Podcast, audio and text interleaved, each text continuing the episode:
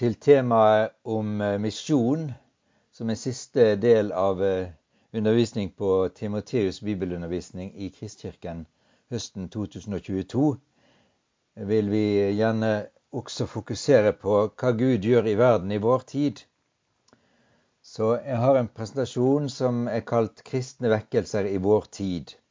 Og det trenger vi kristne i, i vår del av verden i Vesten, i Europa, Amerika og høre litt om, for at vi skal bli oppmuntret å se hva Gud gjør, gjør i vår verden. Gud har en plan. Den er beskrevet i Bibelens første del. En plan som han vil gjennomføre. Og han gjennomfører den suverent, det kan vi være trygge på. Men han vil også ha oss med. Han gjør det gjennom sitt folk. I Første Mosebok kapittel 12 fortelles det om Guds utvelgelse av Abraham. Og så sier han, vers 3, I deg, Abraham, skal alle slekter på jorden velsignes. Og kommer vi seinere ut i Bibelen, så kommer vi til Jesaja 42, denne første av de sangene som kalles Herrens tjenersangene. Og der står det sånn Min tjener skal føre retten ut til folkeslagene. Han skal ikke slukne før han har fått retten, eller vi kunne oversette det med frelsen, gjennom på jorden. Fjerne kyster venter på hans lære, og det forstår vi som evangeliet. Og i Matteus 24, 14 sier Jesus sjøl evangeliet om riket, dvs. Si Guds kongerike, skal forkynnes i hele verden til vitnesbyrd for alle folkeslag, og så skal enden komme. Og til slutt, i åpenbaringsboken kapittel 7-9, så ser Johannes dette synet i himmelen. Og jeg så en skare så stor at ingen kunne telle den, av alle nasjoner, av alle stammer, av alle folk og tungemål. Og legg merke til hvor mange ganger det står her alle slekter på jorden, folkeslagene, jorden, fjerne kyster, hele verden, alle nasjoner og stammer folk og tungemål. Og jeg vil særlig fokusere på dette siste ordet, som eh, er altså fra Johannes, det han beretter i åpenbaringsboken, det han får se der for Guds og lammets trone. Det er en skare så stor at ingen kan telle den, av alle nasjoner og stammer, folk og tungemål. Det er altså ingen nasjoner, ingen stammer, ingen folk, ingen tungemål som er utelatt. De er fra alle. Og tenk også på denne sammenhengen her. Johannes, som er, en, som er ensom i en gruve på Patmos. Han har ikke fellesskap med noen andre som tror på Jesus. Han har ingen å tilbe sammen med, ingen å be sammen med, ingen bibel. Han er aldeles alene. Det er mørkt, det er trist. Han, han eh, tviler på at han kan komme derfra med livet i behold. Der får han denne åpenbaringen av den skaren som han også allerede tilhører, og som han en gang skal tilhøre fullkomment. I en artikkel i Renewal Journal så heter det 'Christianity is growing faster than ever' than any, at any time in history except in the West. Og så fortelles det da om hvordan denne kirkeveksten er over hele verden. Eh, og til slutt så sies det i, 2000, i år 2000 var det seks disippelgjøringsbevegelser i verden. I dag er det 1035. Det er bare, det er bare ett moment i hva som skjer i den, denne vår verden fra, i løpet av en sånn 20-årsperiode. I år 2000 var det seks disippelgjøringsbevegelser. I dag er det 1035. Eh, Renewal Journal har også en oversikt som er hentet fra The Status of Global Christianity, som strekker seg fra år 2000 og 2020. Og så har de sett på hvor mange som blir kristne i, i gjennomsnitt hver dag i løpet av disse 20 årene. Afrika hadde nærmere 38 000 nye kristne. i gjennomsnitt hver dag. Latin-Amerika hadde nærmere 17 000. Asia hadde over 13 000. Nord-Amerika hadde litt i underkant av 2000. Oseania 473 og Europa 8. Jeg har prøvd å få sjekke det tallet og sendt diverse forespørsler til Lausanne-bevegelsen f.eks. om vi kan få en bekreftelse på tallet. Jeg venter på svaret. Men i alle fall, uansett om tallene er helt nøyaktige, så forteller de noe om dette spennet, Afrika, som er altså nå i ferd med å bli verdens største kristne kontinent. Det som, eh, det som muslimske ledere i Afrika i, eh, sånn rundt 1980 sa det skal bli verdens første Afrika, muslimske kontinent. Det er nå i ferd med å bli verdens største kristne kontinent. Evangeliet brer om seg sør for Sahara, og det begynner også å få tak på nytt nord for Sahara, som vi kommer til, tilbake til. Og videre i Renewal Journal kan vi finne We are living in a season of the greatest church growth since the first century. Vi er altså i en, et, en tid med den største kristne den største kirkeveksten siden det første århundret. I antall er det mange, mange flere nå. Men i prosent av verdens befolkning så kan det altså sammenlignes med første århundre selv om da evangeliet stort sett spredte seg ut fra, fra Israel og vest og øst og sør og nord. Men fortsatt er det halvparten av verden som ikke opplever denne gudsbevegelsen. Hvordan er det mulig at det globale sør skal oppleve en så stor kristen vekkelse, mens det globale nord strever med å finne svaret på hvorfor går kristendommen tilbake. Det er bare Gud alene som kan stå for veksten. Men er det noen spørsmål vi må stille oss og finne svaret på? Så vi skal se på noe av det. Vi finner noe av svaret i denne boken her. 'Flashponds of Revival. Vi fokuserer altså på noen av vekkelsene for å se hva er nøklene da Lausanne-bevegelsen oppsto i 1974 under inspirasjon fra verdensevangelisten Billy Graham og med John Stott som en av de store lederne, så så en at det er, er, et felt i verden som er unådd med evangeliet. Og det så en det ligger mellom 10 og 40 grader nord. Se på det kartet. Og så kan vi se på, på kartet også som Åpne dører gir ut over hvor de største kristenforfølgelsene finner sted. Og så finner vi at disse to kartene de dekker hverandre stort sett. Dette kartet fra 2022, eller 2019. Eh, men du ser altså at det er det samme området som, eh, som er dekket av, av, de to kartene. De unådde og de største forfølgelsene. Men så kunne vi legge et tredje kart oppå nemlig kartet over de største kristne vekkelsene i vår tid. Og så vil vi se at det også dekker omtrent det samme området. Veldig interessant. Når Lausanne-bevegelsen inspirerte oss til å be for de unådde folkene.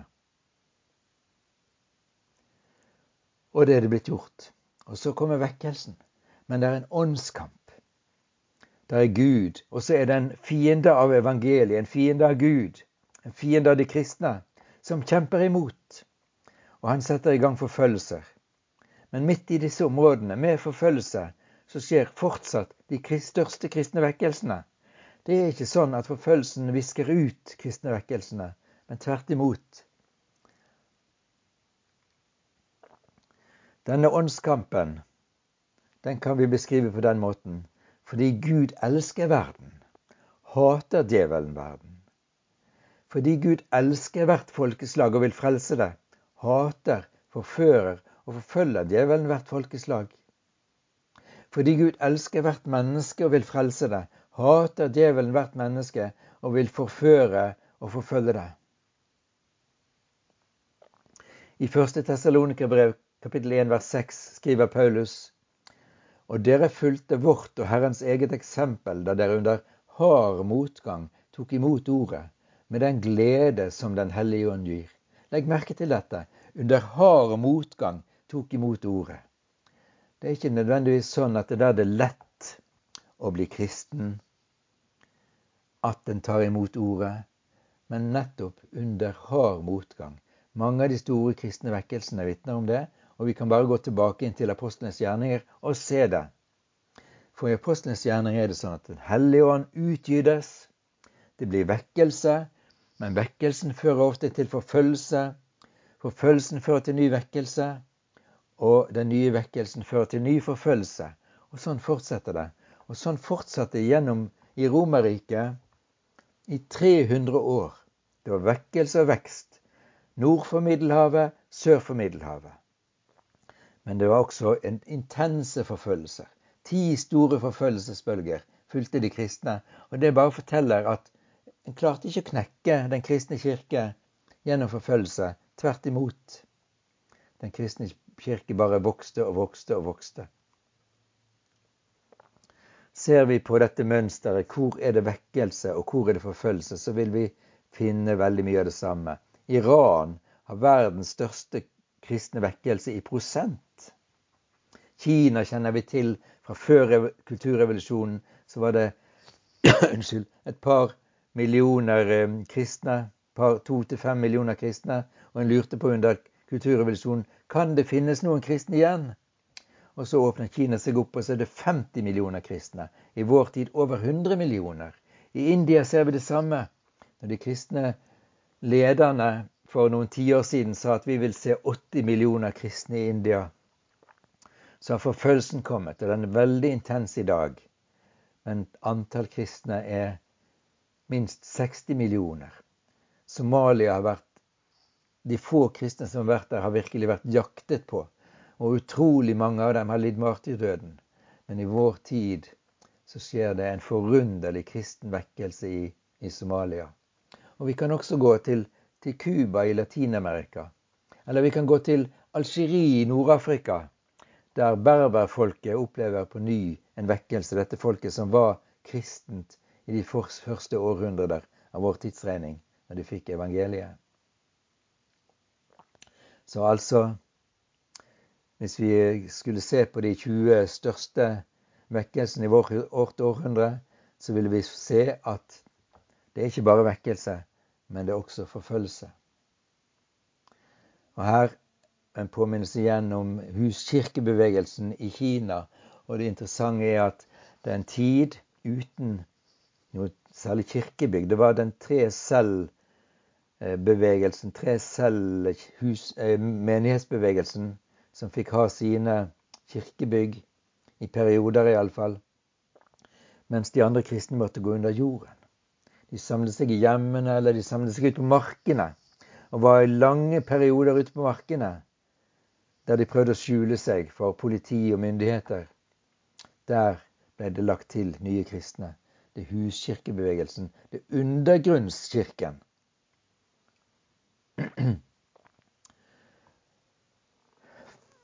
41 år etter Kinas kulturrevolusjon,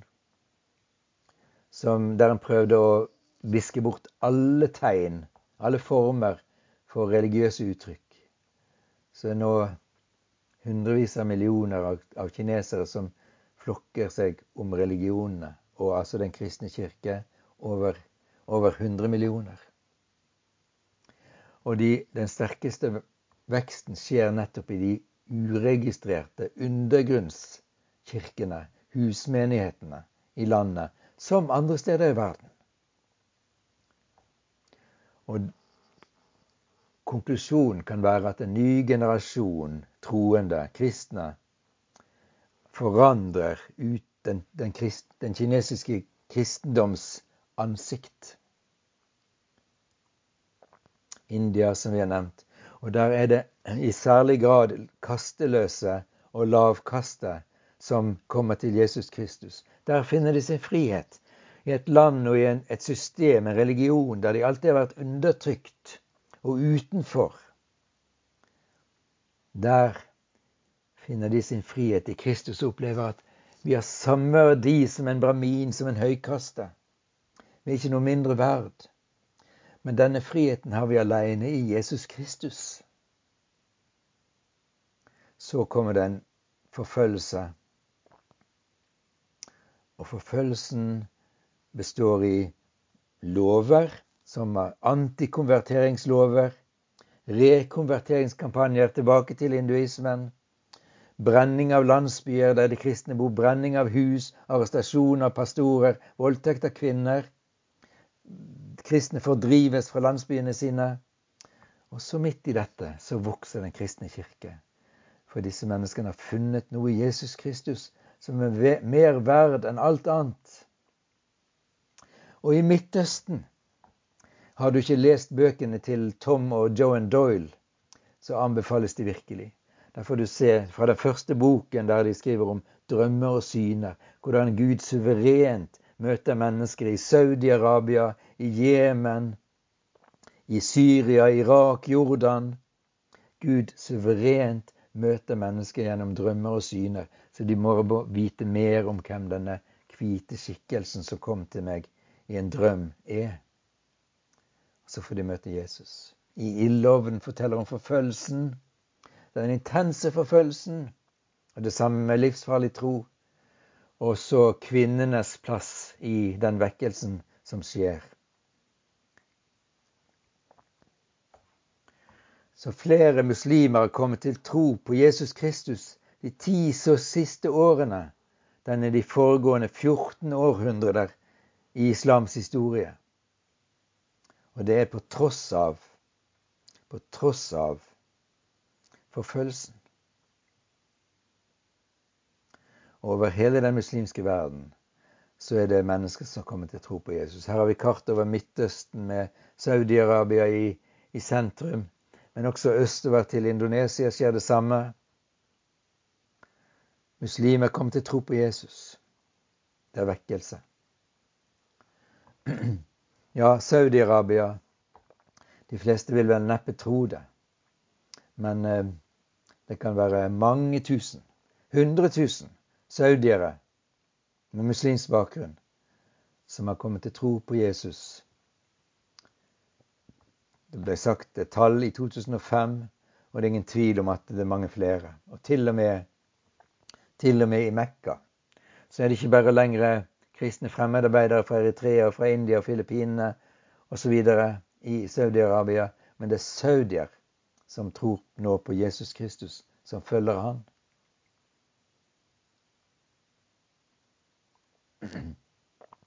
Vi lar dette stå. Men det forteller et, det er et vitnesbyrd om, om hvordan en, en mann møter Jesus i et syn. Og han sier jo at dette var en erfaring som ikke lignet på noe jeg tidligere har hatt. Det var en utrolig fred og et nærvær. Det var så mektig. Og så sa, introduserte denne personen som jeg møtte da i synet, seg for meg og sa 'Jeg er Jesus'. Livet ditt er ikke ditt eget. Og neste morgen var jeg totalt forandret. Går vi til det landet som opplever den største kristne vekkelsen i prosent, med opp mot 20% årlig. Og det vil jo forundre om ikke den, det opprøret som er mot myndighetene nå, den fortvilelsen som, eh, som iranere opplever nå, at den ikke fører til ny kristen vekkelse. Til venstre på dette bildet har vi Haikov som var som en biskop for alle kristne i, i eh, Iran Eh, på 70-, 80- og begynnelsen av 90-tallet, men som led martyrdøden i 1994. Sangen hans synges ennå. Han er en inspirator til vekkelse pga. sin kjærlighet. Kjærlighet først og fremst til Jesus, og så kjærligheten til sitt folk. Og nummer to på bildet, det er, det er Hormuz Shariat. Han var med i demonstrasjonene mot sjahen i 1978 og 79. Han ropte død over Amerika. Men så sa han men ikke død over Amerika ennå, for jeg ønsker først å reise dit og ta en doktorgrad. Men da han kom til tro på Jesus, så var den første bønnen han ba, Gud, gi meg en million. Og nå får han se det. Nå får han se denne vekkelsen. Nå er det over en million kristne iranere. Og det bare vokser og det vokser og det øker på. De er her blant oss også. De er i byen vår, de er i landet vårt, de er i Europa. I en menighet jeg besøkte i Berlin som holdt på å dø ut, så, det, så var det da for tre år siden 1600 nye kristne fra Iran og fra Afghanistan. Også en tysk pastor og tjuetalls andre tyskere. Men det var det er iranere som har kommet til tro på Jesus over hele verden. Så han har skrevet i boken 'Iran's Great Awakening'. Og jeg sjøl har fått lov til å snakke med mange av disse nye kristne og skrevet ned noen vitnesbyrd i boka 'Konvertittene'. Det er så sterke og så varme vitnesbyrd. Og Algerie det samme. Vekkelse i Algerie. Blant dette folket, berberne i kabylene, som var et kristent folk, og som fødte noen av de største kristne lederne i oldkirken. Som Kyprian, Tertulian, Augustin, der er det nå en vekkelse.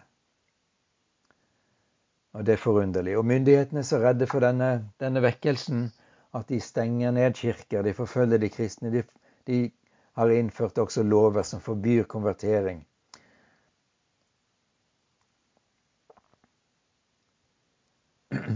Denne, denne artikkelen for Renewal Journal forteller altså at mer enn 80 000 muslimer er blitt etterfølgere av Jesus Kristus de siste årene. Så Algerie kan være en motor for ny vekkelse i denne delen av Nord-Afrika.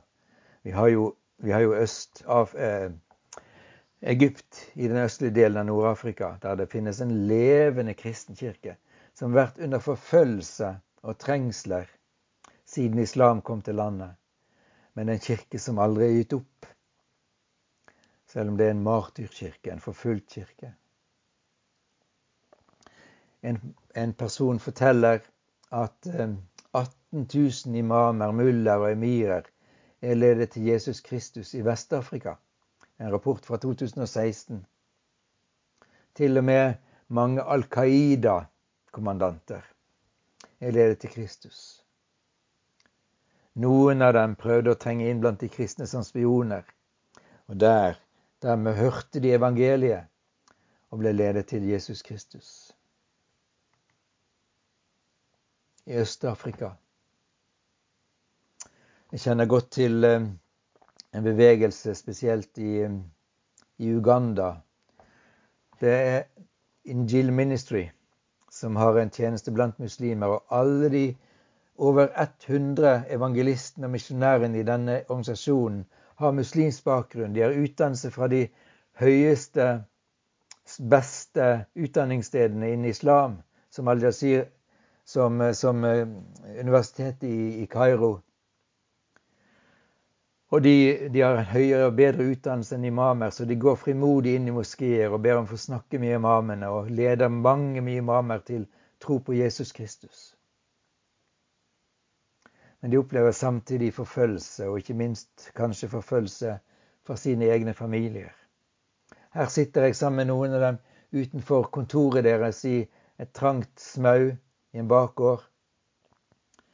Eh, bitte, bitte lite kontor, men det, det kontoret er stablet med, med, koraner som imamer har gitt seg, fra seg, eller klesdrakter som muslimske kvinner har gitt fra seg når de ble frelst en iver og en brann og en glød hos disse evangelistene som drar ut, ikke bare i Uganda nå, men også til mange av nabolandene. Og så har vi Somalia, der det ble sagt inntil nylig at en somalier er en muslim. Punktum. 99,9% av somalierne var, var, muslimer. Det var nesten ingen kristen kirke. Den eneste kristne kirkebygningen som var, var en ruinkirke i Mogadishu.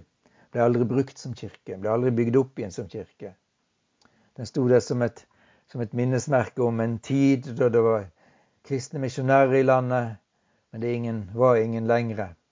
Det var ikke noe kristent vitnesbyrd. Jo, det var noe kristent vitnesbyrd.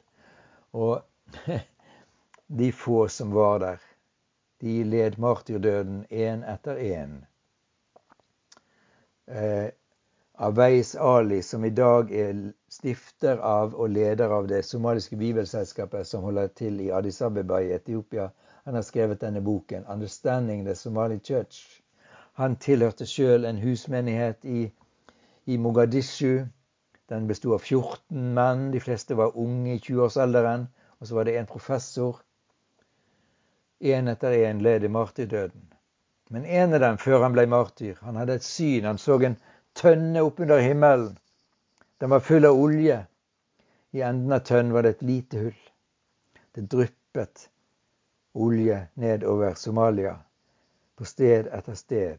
Og så kom synet at til slutt så skulle hele Somalia være dekket av denne oljen fra den himmelske tønnen, evangeliet. Og sånn holder det på å skje nå både i Somalia og utenfor Somalia. Og en av de første som, eh, som ble frelst, var søster Mariama, som har skrevet denne boken 'Fra halvmånen til korset'. Og jeg har fått lov til å dele en del vitnesbyrd i boken 'En ny dag gryr i Somalia'. Det griper meg hvordan somaliere er så frimodige som kristne. Hvordan de deler evangeliet hele tiden på sosiale medier, ikke minst. De kan jo ikke møtes noe særlig. Det finnes noen kristne fellesskap i Etiopia, i Kenya, Uganda. Men ellers har de kontakt med hverandre på, på sosiale medier. Og på TV, som det bildet vi ser til venstre der. Shanaya og Shino de leder da Somali Christian TV. Og så er det andre som har dannet Eh, som har dannet Cornerstone Church på TikTok. Alle steder er disse kristne nå for å vitne om sin tro på Jesus. Cuba er et annet eksempel. Det kommunistiske Cuba. Der sprer den kristne tro seg. Der har den kristne tro spredt seg. Og det er en vitalitet i den cubanske kirke som du skal leite lenge etter de som har lidd pga. sin tro. De som var lunkne i sin tro da kommunistene tok makten, og som truet med fengsel og alt annet. De lunkna i troen, de ble borte.